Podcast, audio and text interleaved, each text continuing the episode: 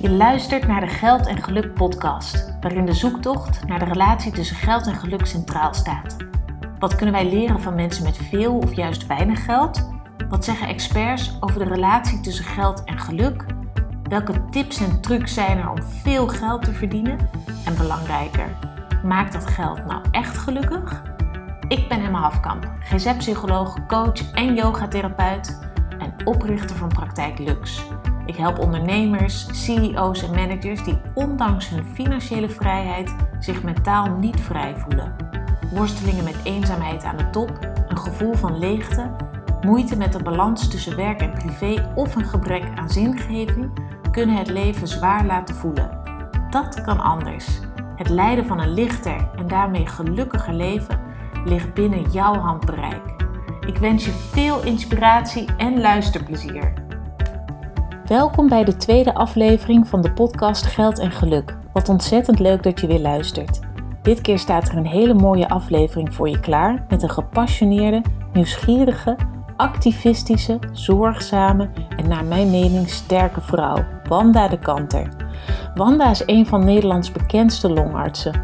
Zij richtte de stichting Rookpreventie Jeugd op en de website Tabak Nee, waarop onderzoeksjournalistiek wordt gedaan naar de lobby van de tabaksindustrie. Opzij noemde haar de meest invloedrijke vrouw van 2018 en in 2019 was zij te gast in het televisieprogramma Zomergasten. Zij schreef verschillende boeken.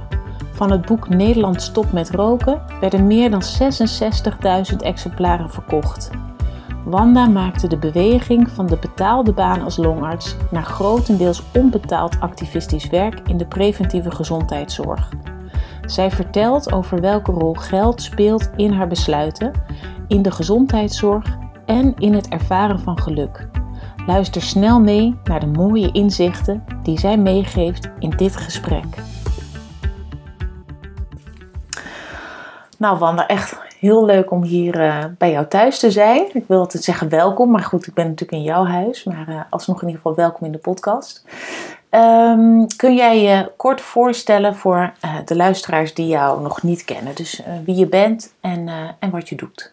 Ik ben Wanda de Kanter. Ik ben longarts en ik heb tot begin dit jaar in het Antonie van Leeuwenhoek gewerkt, waar ik nog steeds aan verbonden ben. En vanaf dat moment neem ik ook één dag waar in het Rode Kruis ziekenhuis. Het ziekenhuis waar ik twintig jaar lang in de maatschap heb gezeten. En zij vroegen mij of ik één dag wilde komen helpen vanwege de enorme drukte. Die natuurlijk met name de longartsen hebben gehad het laatste twee jaar in de coronatijd. Mm, En zorg moet worden ingehaald, veel spoedpatiënten moeten worden gezien. Post-coronazorg, mensen die heel moe zijn gebleven na corona. Dus dat, is, dat doe ik nu met echt heel veel plezier.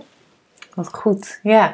Want je zegt, ik ben longarts en nog verbonden aan het AVL, um, maar één dag per week in het Rode Kruisziekenhuis. Wat doe je de rest van de tijd? Ja, de belangrijkste reden om uh, op een andere manier te gaan werken was dat ik steeds meer tijd ging besteden aan de, het voorkomen van kanker.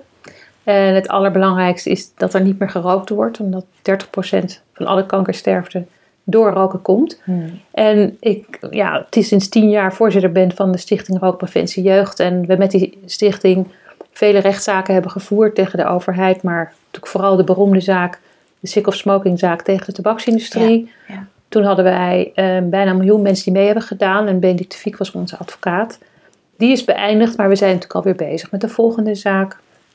En zo ben ik heel groot deel van mijn tijd bezig met uh, lobbyen, met netwerken, mensen het verhaal te vertellen, lezingen geven. Mm. En dat werd in het Antonie van Leeuwenhoek zoveel in één week, dat ik echt nooit meer niet werkte, maar ook overal het gevoel had tekort te gaan schieten. Mm, Want ja, weet je, in de oncologie is er ongelooflijk veel gebeurd in de longkankerwereld.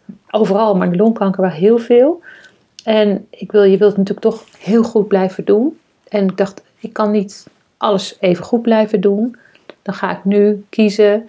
Ehm, er zijn genoeg dokters die patiënten met kanker kunnen behandelen, mhm. maar er zijn maar weinig mensen die echt dit activisme kunnen doen tegen de tabaksindustrie met de passie waar ik het mee doe. Dus dat ga ik fulltime doen. Mooi, ja. Want in het voorgesprek hadden we het heel kort even over het woord activisme en activist zijn. Uh, toen ik vroeg uh, wie je bent en wat je doet, begon je met ik ben longarts. Um, met wat voor rollen identificeer jij je nog meer? Ja, zeker als uh, rol van partner en rol van moeder. Ik vind gezinsleven heel erg belangrijk. Rol van grootmoeder. Mm, Ontzettend wauw. leuk kleinkindje. Jipke. En, leuk. en de rol van vriendin. Mhm. Een heel grote groep van ja, hele goede vriendinnen. Dus dat speelt ook een hele grote rol. Dat zijn allemaal rollen die ik ook heel graag eh, met passie vervul. Ja, ja. Zijn er nou ook rollen ehm, waarvan je denkt, nou, die zou ik wel eigenlijk af willen schudden? Of juist ehm, een rol die je mist? Dat je denkt, nou, dat zou ik nog willen doen of willen worden? Nou, de rol van ehm PA, zal ik maar zeggen. PA, chauffeur, secretaresse, al die rollen. Mhm. Ja, want we hebben natuurlijk, er is geen geld voor primaire preventie. Dus alles wat ik doe is onbetaald. Ja, Ja. natuurlijk niet mijn lezingen, maar het, het bijhouden van alle mensen die iets van me willen. Of een gesprek, en ik wil dan vaak ook iets met hun natuurlijk. Hè, want netwerk is niet voor het netwerken aan zich, maar netwerk is natuurlijk waardoor je meer invloed kan krijgen in Den Haag en op de politici, op de Tweede Kamerleden. Maar dat kost zo ontzettend veel tijd om al die gesprekken te notuleren, te inventariseren. Met wie heb ik toen gesproken? Dat ik zo ontzettend graag de rol van, ja, van, van PA en secretaresse, chauffeur, dat ik dan weer de hele dag in de auto op weg naar een lezing en dat ik al die tijd beter kan gebruiken. Maar ja, daar heb ik geen geld voor over Mhm. van het beetje geld dat ik verdien met de lezingen. Dus dat is, die rollen zou ik graag eh, willen uitbesteden. Ja, ja. Hey, en en ehm, nou, deze podcast gaat over geld en geluk. En je noemt al even van nou, het grootste deel hè, van de activiteiten die je doet in de, nou, in de preventieve kant van het zorgsysteem is onbetaald. Ehm, was het voor jou moeilijk om dan van fulltime longarts, de betaalde baan, deze switch te gaan maken en deze keuze te maken naar iets waar je minder geld, neem ik aan, dan hè, in, in verdient? Ik werkte niet fulltime, Mm. dat scheelt denk ik wel. Ehm, nee, voor mij was het zo dat ik had, ik was tien jaar geleden was ik uit de maatschap gegaan in het Rode Kruisziekenhuis.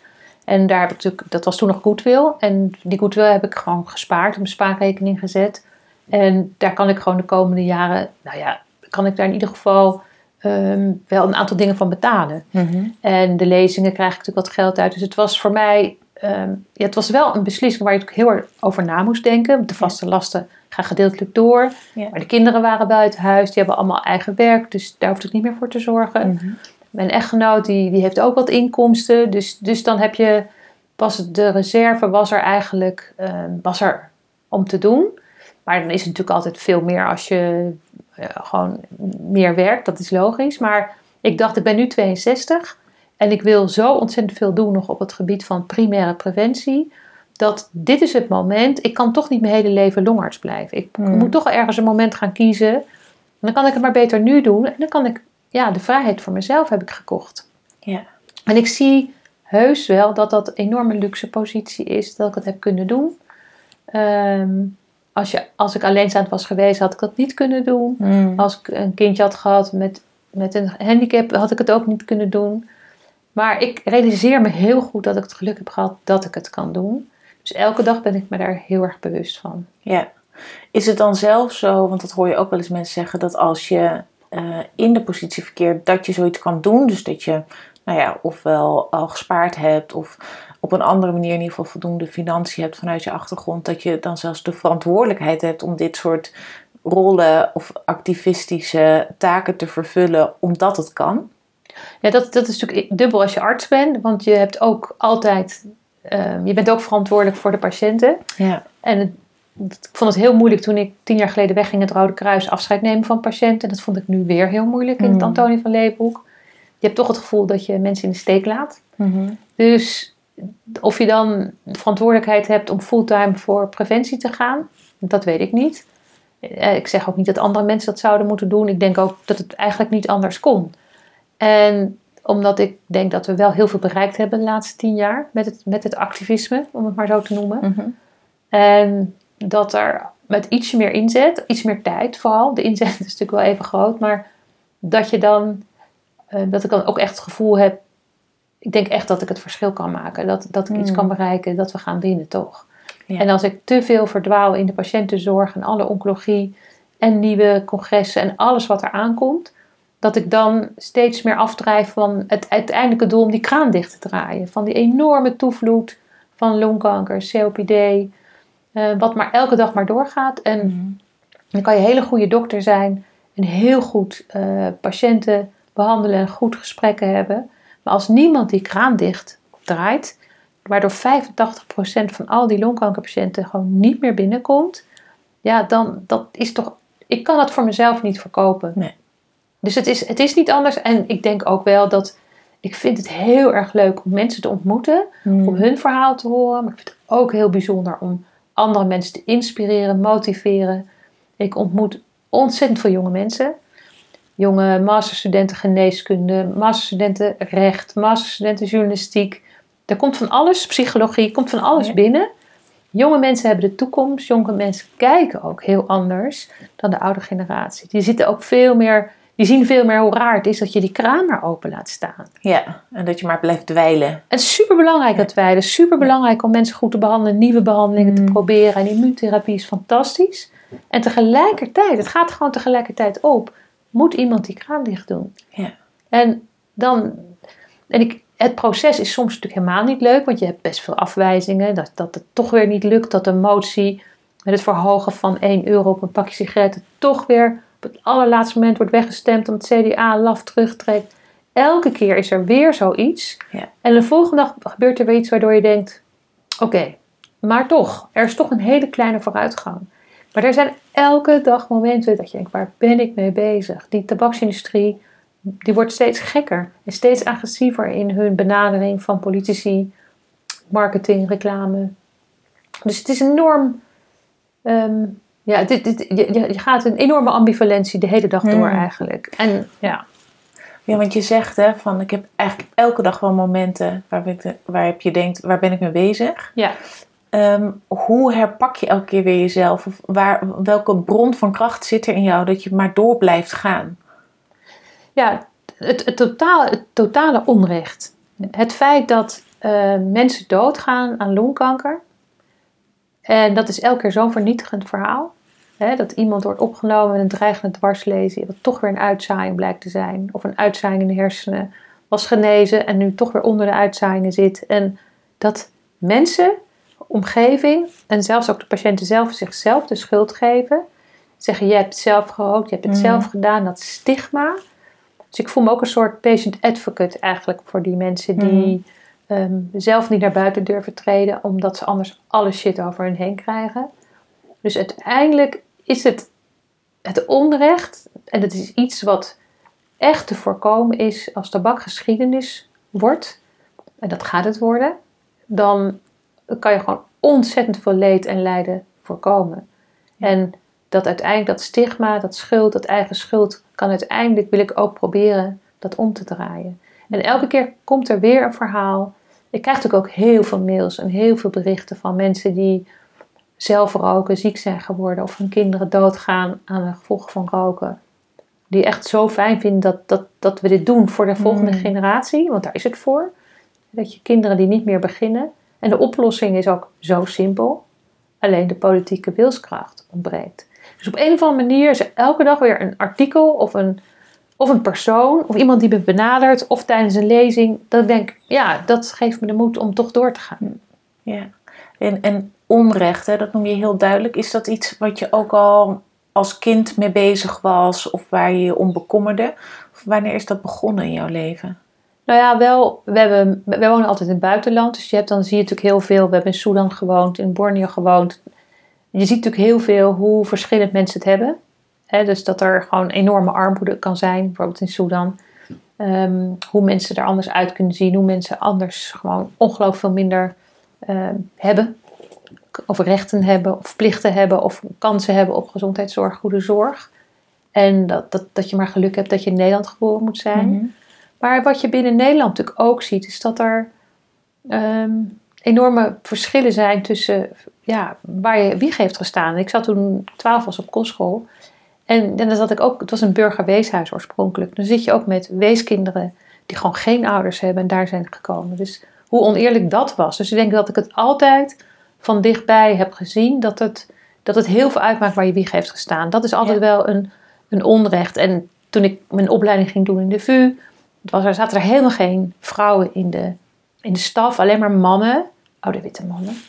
En toen hebben we een emancipatiecommissie opgericht door het hele ziekenhuis heen, alle afdelingen. Mhm. Toen hebben we nog lokkertjes geprobeerd te maken waar mensen hun boodschap konden laten bezorgen, zodat iedereen gewoon de Ja. taken beter kon verdelen.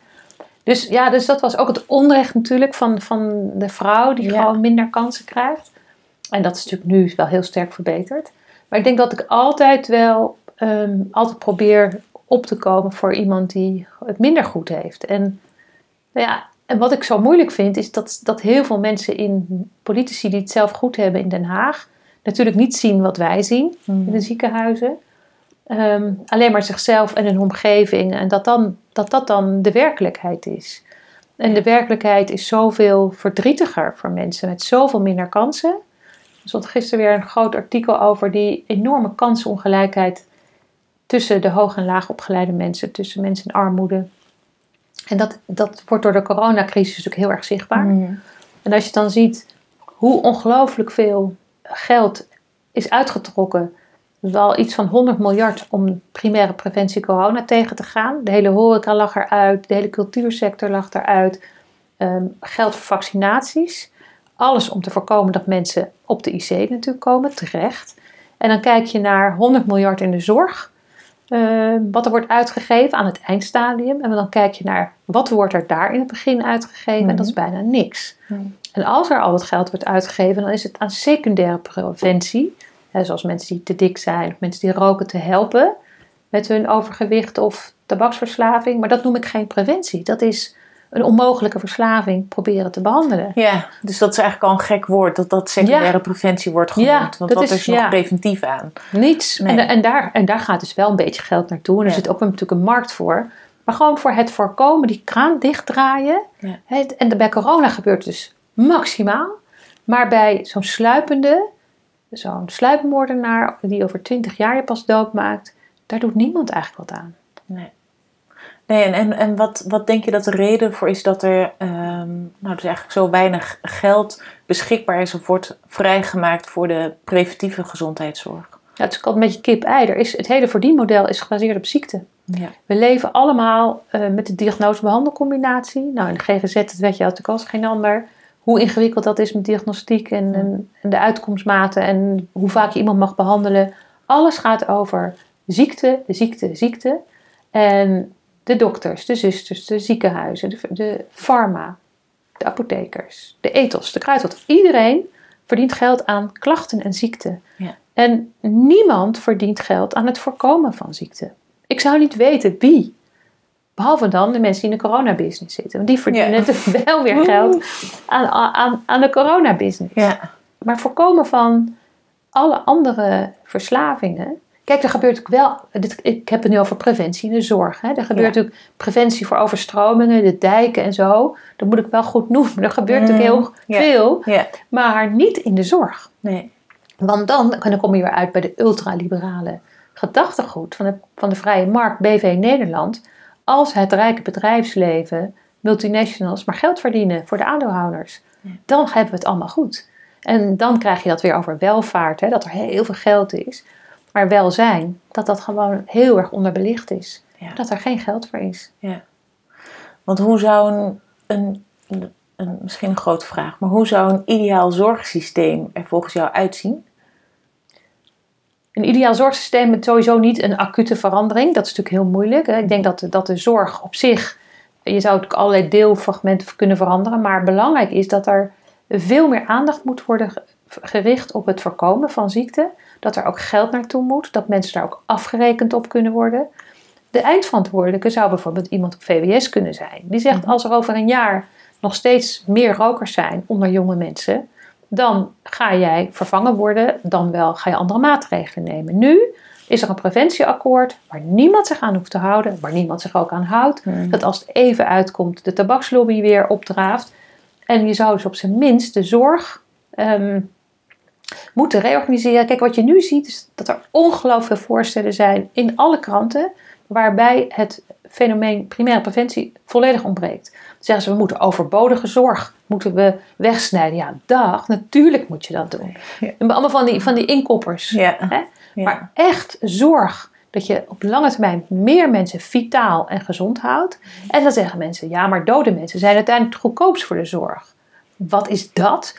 En dat vind ik echt een heel rechts gedachtegoed. Dat iedereen na zijn 67 er niet meer toe doet, want niet bijdragend. En iedereen die arm is of een laag opleiding er ook niet zo toe doet. Want dan is dat lijden, dat telt dan dus niet zo. Dus het is niet zo dat als je preventie doet, dat je meteen geld gaat verdienen in de zorgkosten. Dat duurt natuurlijk eventjes.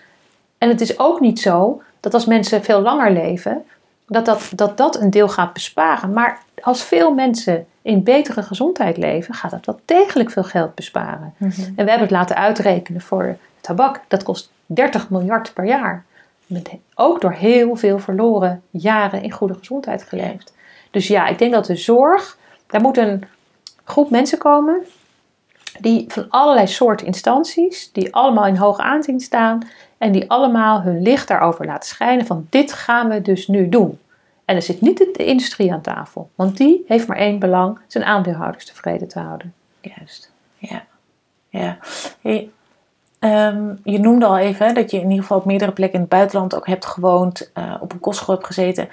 Welke momenten of gebeurtenissen hebben in jouw leven tot nu toe een cruciale rol gespeeld in de levensloop die, die, um, die je hebt geleid, of in ieder geval tot het punt waarop je nu staat? Ja, ik denk um, het gaan naar, naar kostschool mm -hmm. op je twaalfde, dat je alleen bent. Ja, hoe was dat voor jou? Ja, ik vond wel, ik had best wel veel boekjes gelezen ter voorbereiding van Billy Bradley volgens mij. Dus, dus ik had er wel zin in. Mm -hmm. Dus ik vond, dat, ik vond het was natuurlijk wel heel spannend dat je helemaal alleen op de wereld bent. Aan de andere kant van de wereld zitten je ouders.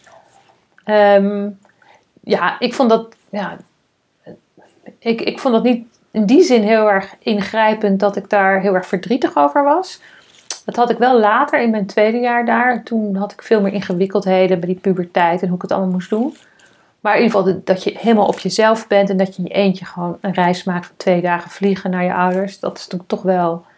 Ja, dat, je daar, dat ik realiseerde dat ik helemaal niet bang was. Dat je dat gewoon doet. En dat je. Ja, wat raar dat je geen angsten hebt daarvoor. Mm -hmm. Maar dat, dat, dat, dat, dat zal je zeker heel erg gevormd hebben. En de, om samen te leven met 50 mensen op een, in een klein, in één huis, is natuurlijk ook iets wat je, dat je heel veel van jezelf tegenkomt en dat je heel veel van leert. Wat, en, wat, wat zijn bijvoorbeeld twee belangrijke lessen? Nou ja, wat ik er heel erg van heb geleerd is dat je, uh, hoe je omgaat met andere mensen die, uh, die je elke dag gaat blijven zien, jaar in jaar uit. Mm -hmm. Dat je, dat je, dat je ja, ruzie maken gewoon niet zo'n goed idee is. Mm -hmm. Dat je um, dingen die, die eruit flapt niet zo'n goede ideeën zijn. Dat je uh, mensen zeggen, ja, ik vind het gewoon leuk als ik ruzie maak. Dit, dat. Ik, ik geloof helemaal niet meer in het concept ruzie. In, in, had ik, ik had dat soort dingen ook wel graag eerder geweten. Maar ja, zo, zo groei je natuurlijk op. Dat, yeah. dat, dat heeft yeah. iedereen hebben. Yeah. Maar impulscontrole, mm -hmm. hè, dat je uitstellen van genoegens, ook uitstellen van drift. Hè, als je ergens zo boos over bent dat je veel meer luistert, zoeken om te luisteren. Ja. Omdat je anders gewoon contacten kapot maakt. En zeker op jonge leeftijd, waar het soms een beetje zwart-wit is en alles, mm -hmm. alles of niets.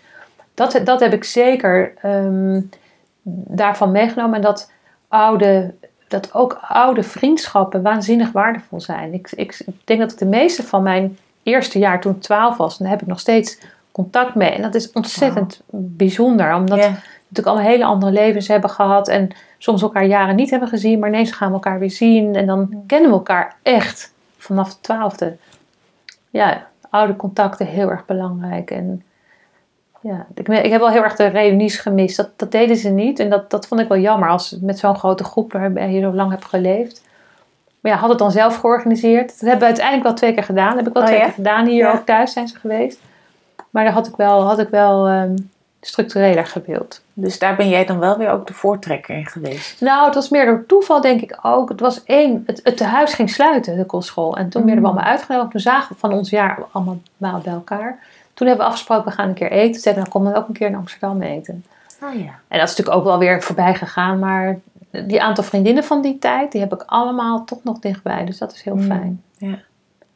En andere momenten of gebeurtenissen die, eh, die een cruciale rol in jouw leven Ja, sowieso. eh, het vinden van je partner, het verliefd worden. en- Mhm. dat is denk ik een cruciaal moment geweest. Ehm, ik zou gaan samenwonen met iemand die vijf jaar ouder was. Ik werd verliefd op iemand die vijf jaar jonger was en aan het begin van zijn studie stond. Mhm. Dus het was een hele, zeg maar, onhandig voor iedereen. Niet fijn. Maar ja, ik wist, dit gevoel is zo sterk, dit moet ik doen. Het is niet anders. Dus ik heb toen de hele opleiding kunnen doen tot longarts. Dat, toen hij nog aan het studeren was. Ja. dat was wel overzichtelijk. Ik hoefde maar één ding te doen, namelijk werken. Ja. En, eh, nou, en toen natuurlijk de geboorte van het eerste kind en de tweeling daarna. Ja, dat zijn allemaal van die extreme momenten. En zeker het moment dat, eh, dat mijn dochter mij betrapte toen ik rookte nog, toen ik 14 was. Mhm. Dat is wel een moment geweest dat ik wist dat ik echt hiermee moest stoppen. Ze was er zo verdrietig van. Dus da- daardoor heeft deze strijd uiteindelijk geleid. Anders rookte ik nu nog stiekem. Was er Mhm. misschien wel heel anders gelopen. Ik heb geen Ja. idee. Want ik vond het ook allemaal een beetje onzin. En daar begrijp ik al die rokers wel. Dat ze het allemaal een beetje onzin vonden. Dat vond ik ook. Ja, ja we gaan allemaal dood. En je moet toch ergens aan dood gaan. En zo erg is dat niet. Mhm. Terwijl ik zoveel mensen heb dood zien gaan aan, aan de gevolgen van roken. Ja. Ja. Ja. En, en, en je noemde eh, toen je veel in het buitenland hebt gewoond dat je ook veel armoede hebt gezien. Wat voor rol heeft geld tot nu toe in jouw leven gespeeld? ja, we hebben het denk ik altijd goed gehad. Ik, mijn vader die kwam ehm, uit een arm gezin. Eh kruideniersgezin. En die, eh, die, die was gewoon heel erg slim. En kreeg toen een beurs en heeft in Delft volgens mij twee studies zelfs gedaan. Is ingenieur geworden. En al heel snel werd hij uit, uitgestuurd naar, voor Shell naar, naar Borneo.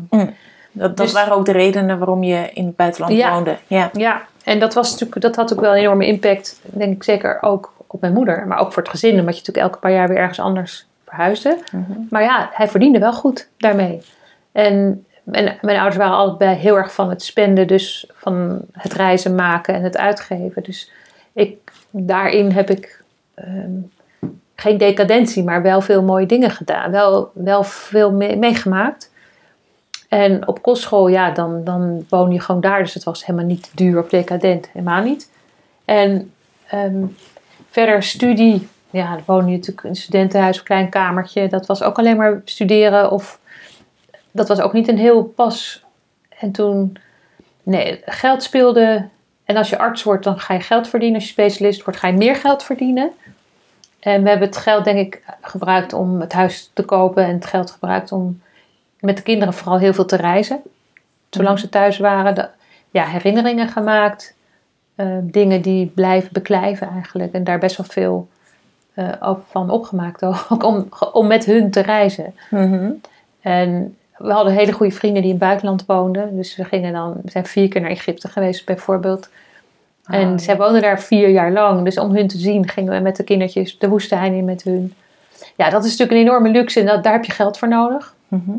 En we zeilen heel vaak ook met eh, hele goede vrienden. Dat, daar heb je natuurlijk ook geld voor nodig. Dus ja, geld speelt in die zin een, een rol. En eh, dat realiseer, ook dat realiseert me heel goed. Dat, dat dat een geluk is dat het er is om die dingen te kunnen doen. Ja.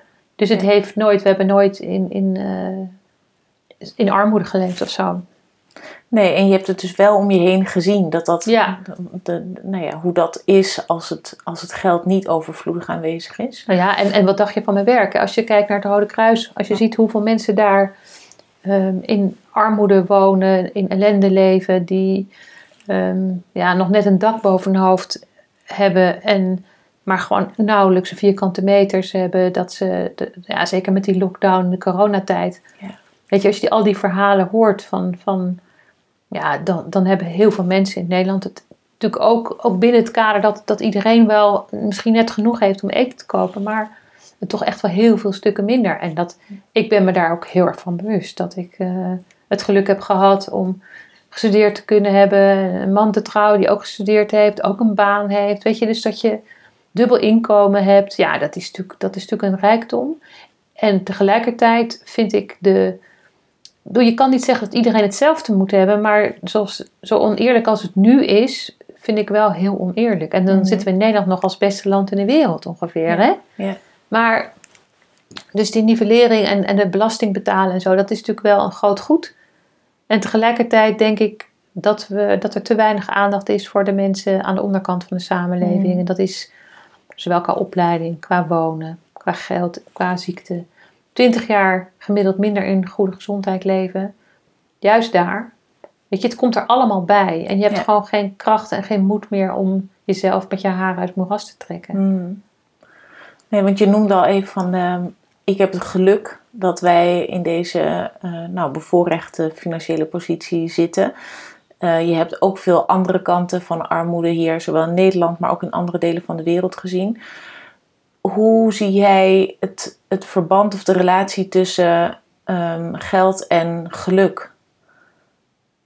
Nou, ik denk dat, dat wat je uit alle studies leest. Ik heb ontzettend veel zelfhulpboeken, maar ook geluksboeken. En is natuurlijk dat, dat nou, armoede maakt niet gelukkig. Hm. Dat, dat denk ik dat je dat in ieder geval kan zeggen. Ja. Als je niks hebt en je kan je kinderen geen eten geven, maak je dat heel ongelukkig. Ehm, er is wel een minimum nodig. En ik, volgens mij zit het in de op 90.000 gulden was het altijd. En als het, dat zal nu misschien zo rond de euro's liggen. Dat er wel een optimum is. Dat er een bepaald bedrag is. Dan kan je wonen. Dan kan je een keer met vakantie. En dan kan je een auto voor de deur hebben. Dat, dat, dat, en daarna word je niet meer gelukkiger. Dat, dan is die reis niet, extra niet meer nodig. Dan is dat, hoeft dat niet. En ik denk dat dat wel waar is. Ik denk als ik nou kijk... Je, je kan in die coronatijd, het is natuurlijk twee jaar lang... Waar, waar je, wij gingen natuurlijk wel naar het ziekenhuis nog. Of ik ging naar het ziekenhuis, maar ik was ook, ook heel veel thuis. Nou, ik kan me heel erg goed vermaken thuis met al mijn duizend boeken om me heen. En, en, en mijn kinderen zien en mijn vrienden zien hier en daar. Hè, ook in die coronatijd wat nog haalbaar was. Dan heb ik eigenlijk helemaal niks gemist. Dus ja, ik, ik, ik heb wat dat betreft maar wat makkelijk praten als je in een mooi huis woont. En ehm, dus dat realiseer ik me altijd. Ja, ja. want ehm, je zegt, ik heb veel zelfhulpboeken en geluksboeken. Wat voor rol speelt geluk in jouw leven? Want het heeft blijkbaar wel je interesse op een manier. Ja, op een of andere manier ehm, heb ik het leven best wel vaak heel ingewikkeld gevonden. Ehm, ja, op allerlei, op allerlei momenten en niveaus. En, en ja, dan ging ik toch bij mezelf zoeken van wat, wat kan ik dan beter doen? Wat had ik anders kunnen doen? En ik denk wel een beetje rond mijn dertigste de piek begonnen is. Ik ben begon, begonnen met een simpel managementboek Stephen Covey. De, de Seven Habits of Highly Ja. Effective People. Mhm. Nog steeds mijn bijbel overigens. En ehm, daarna ben ik ook gaan lezen over ehm, ja, wat, wat zingeving is, wat het belang is van bepaalde contacten, maar ook welke contacten je moet mijden. Natuurlijk boeken over persoonlijkheidsstoornissen, maar ook over enneagrammen. Mhm. Het is ook een duizenden jaar oude wijsheden van dat je mensen misschien heeft dat enorme overlap met persoonlijkheidsstoornissen. Met, waarschijnlijk is het elke keer weer oude wijn in nieuwe zakken. Ja. Maar ehm, ik, heb heel, ik wilde eigenlijk psychiater worden. Oh ja? Ja, maar ehm, toen het kooschap kwam, toen, toen zei, ben ik ook een tijdje ook intern was dat. Maar toen dacht ik echt, dit is veel te ingewikkeld voor mij. Ik kan dit helemaal niet. Wat maakt het ingewikkeld? Ja, ik, ik dacht, ja, hoe kom, je, hoe kom je nou precies tot de kern? Hoe kan je nou precies de goede dingen ehm, vaststellen? Maar ja, dat is, waarschijnlijk kan je dat ook leren. Maar alsof longziekte niet ingewikkeld is, waar je ook wel heel veel communicatie nodig hebt. Ja. Maar, en we hebben natuurlijk boeken over motiverende gespreksvoering geschreven. Maar toen, toen ik het wilde worden, toen, toen dacht ik, dat kan ik niet. Maar er waren ook ingewikkelde boeken die ik gewoon niet, die, die moest leren Ja. die mij niet raakten. En, en Mm. ondertussen heb ik zoveel boeken gelezen over psychiatrie en psychologie. En nu vind ik het nog steeds super interessant, eh, psychologie. Eigenlijk psychologie misschien nog wel interessanter dan psycho psychiatrie. Wat maakt het interessant voor jou? Omdat ik ontzettend nieuwsgierig ben naar wat de beweegreden van iemand is. En dat er bijna altijd wel een verhaal is achter iemand. Dat de mensen zonder verhalen, dat niemand normaal is. Dat iedereen wel iets heeft. En dat vind ik zo super interessant en ook troostend, denk ik. Dat we allemaal het gewoon maar een beetje moeten doen met de eigenschappen die je hebt. Ja. En dat het ook interessant is hoe je dan mensen kan motiveren tot het of verleiden of ja, om met jou te willen praten over een verandering, over gedrag, over hun gedrag, over mijn gedrag, over politiek beïnvloeding, Mhm. over waar kan je een verschil maken? Dus elke keer weer leren. En ik denk dat ik nog maar pas begin eigenlijk. Ja. Ja, en het ook nooit ophoudt, het leren. Nee, dat, nee, nee leren is wel een heel belangrijk. Ja. ehm, laten leren en zelf leren. Maar ook Ja. anderen leren. Dat, dat is wel een heel belangrijk Hmm. kernkwaliteit of Ja. hobby. Hey, en je zei van ehm, sommige momenten in mijn leven heb ik echt wel ingewikkeld gevonden. Zou je daar een voorbeeld van willen geven en ook hoe je daar weer uit bent gekomen? Nou ja, mijn broer is, is ehm, in het Antonie van Leeuwenhoek verwezen. Een aantal jaren geleden. ehm, omdat hij een hele agressieve tumor had. En hij, hij, hij vond het heel erg moeilijk. Hij vroeg aan mij, wanneer zijn die plaatjes bekend? De PET-scan, de CT-scan. Dat is toch meteen? Ik zei, dat, dat is zo. Ik zei, waarom kan ik dan niet meteen de uitslag krijgen? En dat heb ik voor mijn patiënten ook altijd wel geprobeerd. Om CT en uitslag dezelfde dag te proberen. Ja, die wachttijd echt zo kort ja, mogelijk we te weten gewoon dat. Kijk, een diagnose is verschrikkelijk, maar wachten op een diagnose is nog verschrikkelijker. Ja. En toen heeft hij mij gevraagd: wil jij dat dan doen? Maar het was natuurlijk niet een ziekte op mijn gebied, niet op mijn op mijn longartsengebied. Mhm. Maar toen had ik steeds de afspraak, als dan op vrijdagmiddag de PET-scan was, dat ik met de nucleaire arts een afspraak had, zodat ik de uitslag eerst hoorde. Maar het idiote wat ik dan meemaakte, is dat die nucleaire artsen niet realiseerden, terwijl ik het wel had gezegd, dat ik zijn zus was. En dus mij als een soort van klinicus, nou, van top tot kruin. Ik, ik wil gewoon weten, is het goed of niet, weet je? Dus dat, die momenten dat ik daar stond, dat vond ik echt verschrikkelijk. En daarna moest ik natuurlijk mijn verhaal maken om te vertellen. En dan belde ik de specialist op, die natuurlijk wel ergens in huis was. Van, Mm. wat gaat jullie advies op basis hiervan zijn? Want de plaatjes zien, daar moest ik ook nog een plan bij. Ja, dus ik heb dat zo'n keer of vier met hem meegemaakt, denk ik.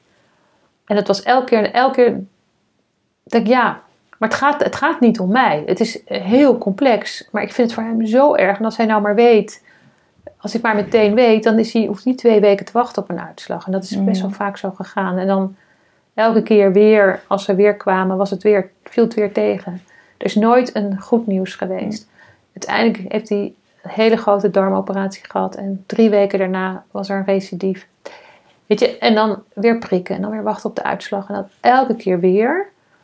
Ehm, ja, die wachttijden zijn gewoon niet te doen. En ja, hoe je eruit bent gekomen. Ik ben er natuurlijk niet, niet ja, hij is overleden. En Mhm.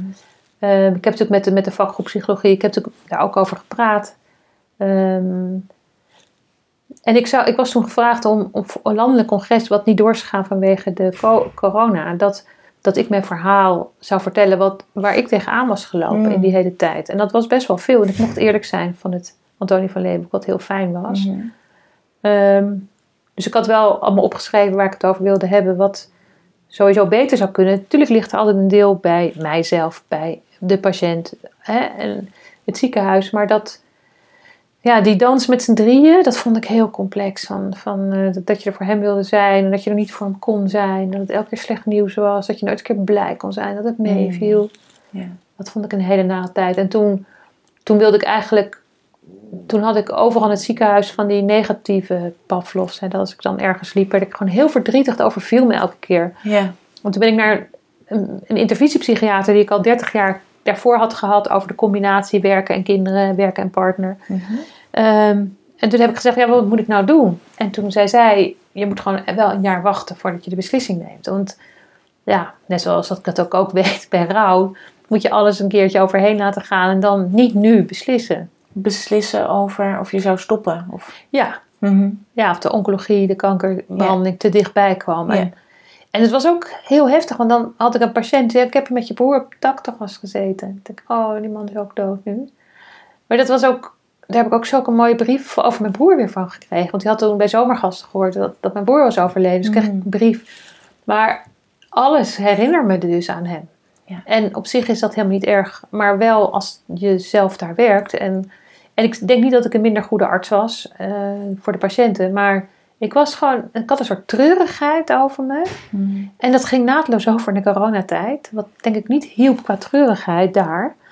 Ehm, dat, want je had ook, de, de, zeg maar de lichte dingen van het werk. Hè, zoals de lunchbespreking of samen het eten gaan. Of, dat, dat was er allemaal niet meer.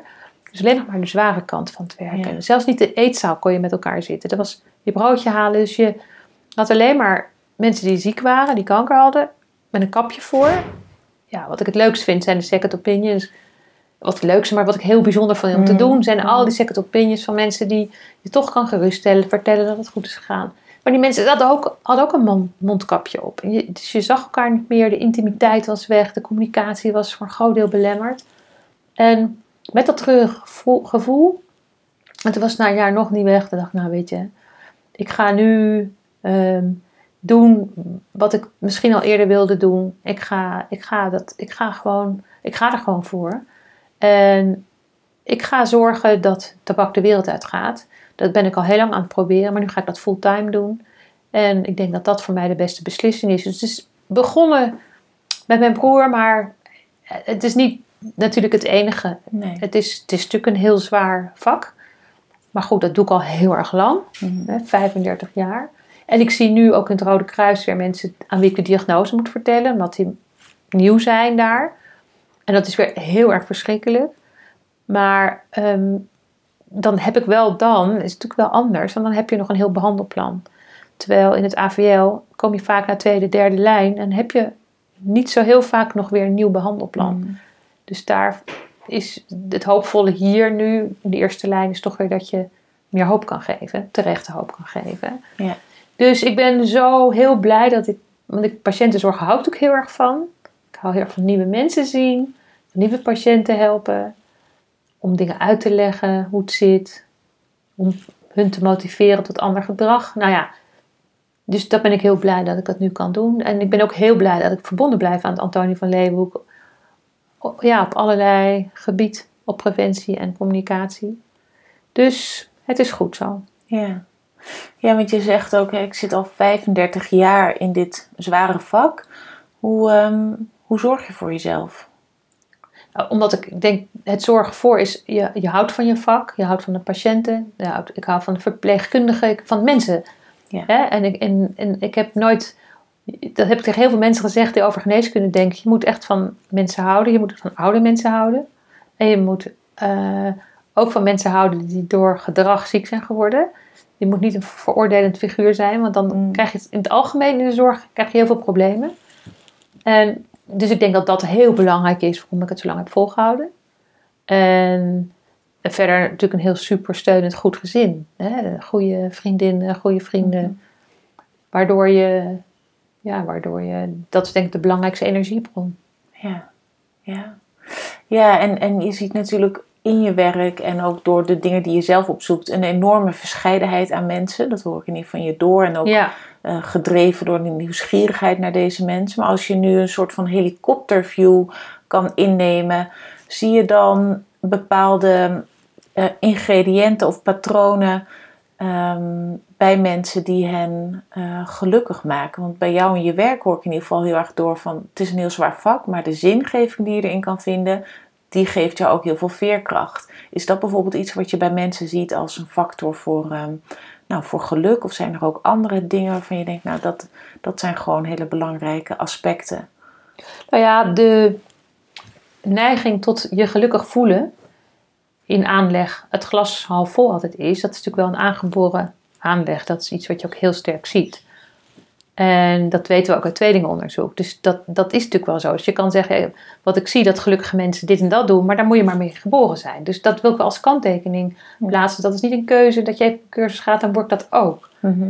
Wat natuurlijk een van de belangrijkste eigenschappen is om gelukkig te zijn, dat je de zeilen, dat je de wind niet kan veranderen en je zeilen kan bijstellen. Dat je denkt, nou ja, dit is nu wat het is. Kan ik er iets aan veranderen? Nee. Heb ik er invloed op? Nee. Ik kan alleen mijn gedrag gaan aanpassen aan de situatie. Dat is wat het is. En, maar die eigenschap, daar heb je zelf niet zo heel veel invloed op. Maar je hebt natuurlijk altijd, kan je net een paar dingetjes leren, waardoor je net iets minder ongelukkig bent of dat het misschien wel lukt. En natuurlijk is het zo dat, de, dat ja, als je dan leest COVID er maar op naar, daar, daar staan eigenlijk alle ingrediënten in. Hè. Het, natuurlijk begint het sharpen the soul, zegt hij ook. Dat zou je wel eens vergeten. Je moet wel beginnen met dat je een beetje in conditie bent. Dat je een beetje slaapt. Als je gewoon je nachten zelf uitput met de mooiste feesten en de, en de lekkerste ecstasy en drankjes, ik noem maar. uiteindelijk word je na een paar weken toch heel ongelukkig. Ja. Omdat je jezelf uitput. Dus dat blijft, dat blijft ook heel gek, hè? dat je dan heel blij kan zijn, maar je kan je ook heel ongelukkig jezelf maken. Dus slaap is heel belangrijk. Te veel drinken worden mensen depressief van. Als je heel erg dik bent en als je ouder wordt, dat hoor je natuurlijk heel vaak. Dat, ik, had, ik had daar nooit last van, maar als je heel dik bent en je bent 40, 50, dan kan je niks meer. Dan kan je geen trap meer op, dan kan je je kinderen niet meer bezoeken, je kan soms niet meer werken. Dus ook daarin, je lichaam is wel je instrument. Ehm, dus als jij iets kan doen, daar begint al ongeluk mee.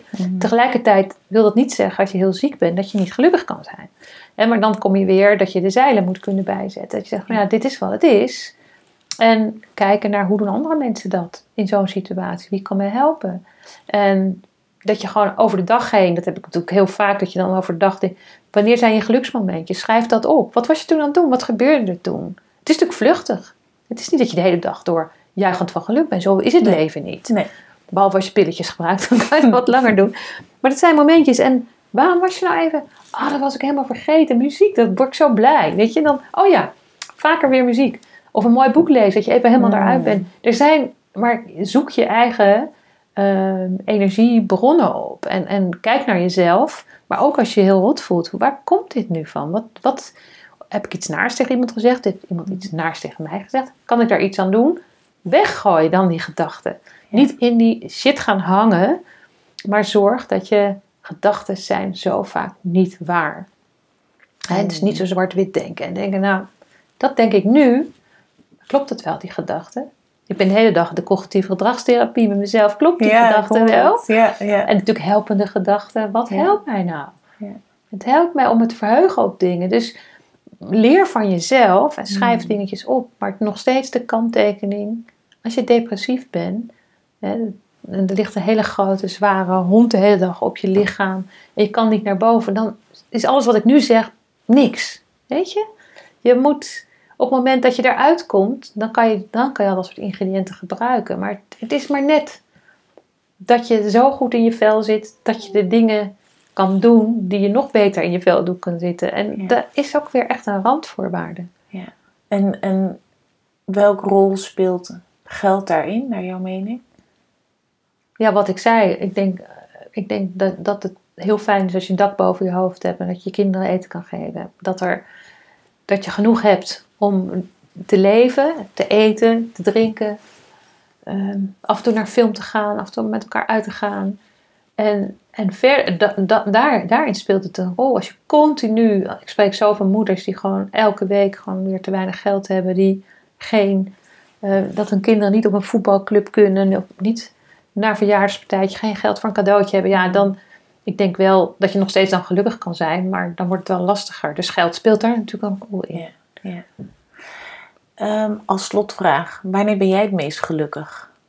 Ja, als ik met al die ingrediënten, dus met, vooral met eh, vrienden, familie, gezin aan tafel, aan de lange tafel zit en dat de avond begint en niet meer ophoudt. Hmm, Dat is wel mijn, mijn eh, ja, dat, daar word ik ook het meest gelukkig van. En dat kan ook weer nu. En dat kan weer, ja, of volgende week is het weer voorbij. Ja. Dat kan any moment weer veranderen. Ja, Ja, dus dat hoor ik ook nog wel in je verhaal terug. Dat, het, dat een belangrijk ingrediënt ook is het vermogen tot aanpassen of flexibel zijn. ja dat is, dat is eh, heel erg belangrijk. Ja. Dat is natuurlijk ook als je tegenvallers hebt in de strijd en zo, ja, dan kan je ook wel weer jezelf verzetten. Maar ook dankzij vele zelfhulpboeken, waar ik veel van geleerd heb, wat je, hoe je Ja. jezelf een beetje kan eh, aanpassen aan Ja. eh, slechter weer. Ja, en, en aangezien je inderdaad veel zelfhulpboeken hebt gelezen en hebt geleerd en je hele levenservaring, heb je een, een slotadvies voor de luisteraars om, ehm, nou, om, om het positieve in te blijven zien of eh, geluk te ervaren? Gedachten zijn heel vaak niet waar. En je kan jezelf echt ongelukkig denken. En je kan jezelf ook gelukkig denken. Helpende gedachten helpen. Zorg dat je goede gedachten hebt die jou een beetje meenemen in de toekomst. Alsof het al nu is. En mensen die niet goed voor jou zijn, gewoon een paar schilletjes verderop zetten. die niet in jouw circle of influence zijn. Doe maar gewoon alsof ze daar buiten helemaal staan. En dan zeg je, je praat wel wat, maar ik hoor je eigenlijk niet. Dus verzamel fijne mensen om je heen. Dat is het denk ik een beetje. Mooi. Dankjewel. Graag gedaan. Ik hoop dat je genoten hebt van het interview en dat je geïnspireerd bent geraakt. Dank je wel voor het luisteren. Het zou ontzettend leuk zijn om van je te horen hoe jij de aflevering hebt ervaren en welke inzichten je hebt gekregen. Kunt mij dit laten weten door mij een bericht op LinkedIn te sturen of een e-mail naar info@praktijk-lux.nl. Wil je geen enkele aflevering meer missen? Abonneer je dan even op de Geld en Geluk podcast. Klik in de podcast-app op de knop subscribe of abonneren. Ook zou ik het ontzettend waarderen als je een review achter wilt laten in de app waarmee je deze aflevering hebt geluisterd. En heb je nu het gevoel dat jij ook op zoek wilt gaan naar hoe jij een gelukkiger en daarmee lichter leven kan gaan leiden? Bekijk dan mijn drie en zes maanden trajecten op mijn website www.praktijk-lux.nl. En wie weet, tot gauw!